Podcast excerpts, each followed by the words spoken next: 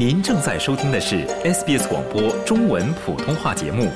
更多节目内容，请浏览 sbs 点 com 点 au 闲斜杠 mandarin，或下载应用程序 SBS Radio App。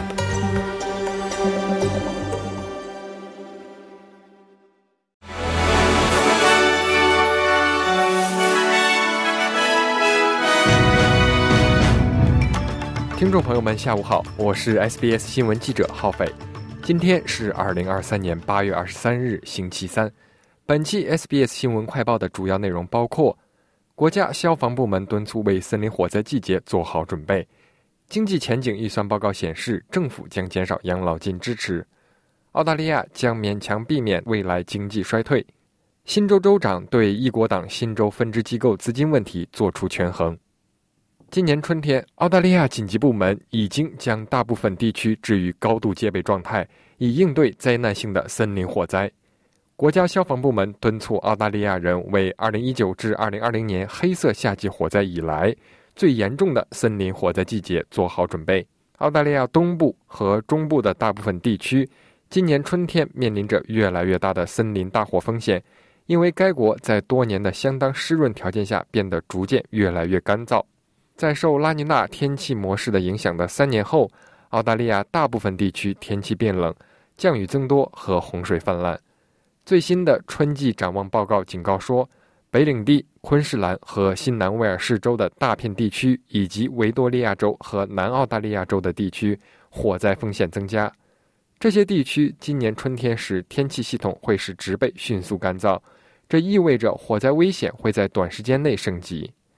该报告估计北部降雨的开始将会推迟，这意味着今年北部的火灾季节可能会延长。一份预测未来四十年经济前景和预算的报告显示，尽管预计达到退休年龄的澳大利亚人总数将增加一倍，但政府将减少为老年养老金提供资金。代际报告 （Intergenerational Report） 将于明天全文发布。该报告预计，在未来四十年里，约一千七百万澳大利亚人将总共拥有约三点五万亿元的退休金资产。国库部长吉姆·查莫斯表示，该报告揭示养老金计划已经为澳大利亚人的退休生活提供了资金，并节省了政府的资金。查莫斯认为，这是退休金的代际天才在发挥作用，在为人们提供体面的退休收入同时，政府也减轻了养老金压力。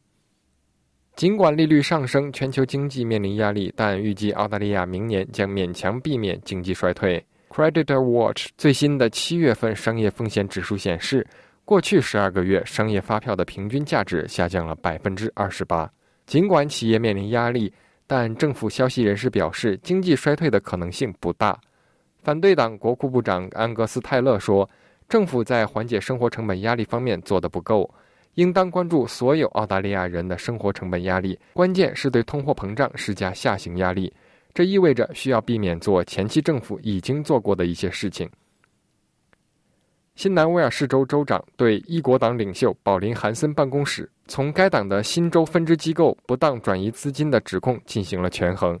上议院议员马克·莱瑟姆和罗德·罗伯茨周二退出了这个小党。此前，他们声称根据议会特权。官员们挪用了纳税人的资金。韩森参议员否认了这些指控，称该党的财务状况要接受定期的独立审计。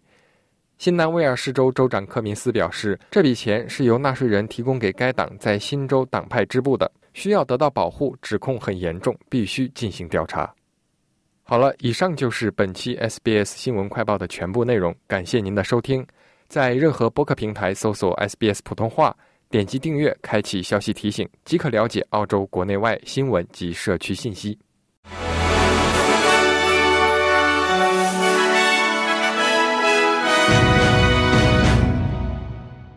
了解澳洲，融入澳洲，欢迎登录 sbs 点 com 点 au 前斜杠 language 前斜杠 mandarin，获取更多澳大利亚新闻和资讯。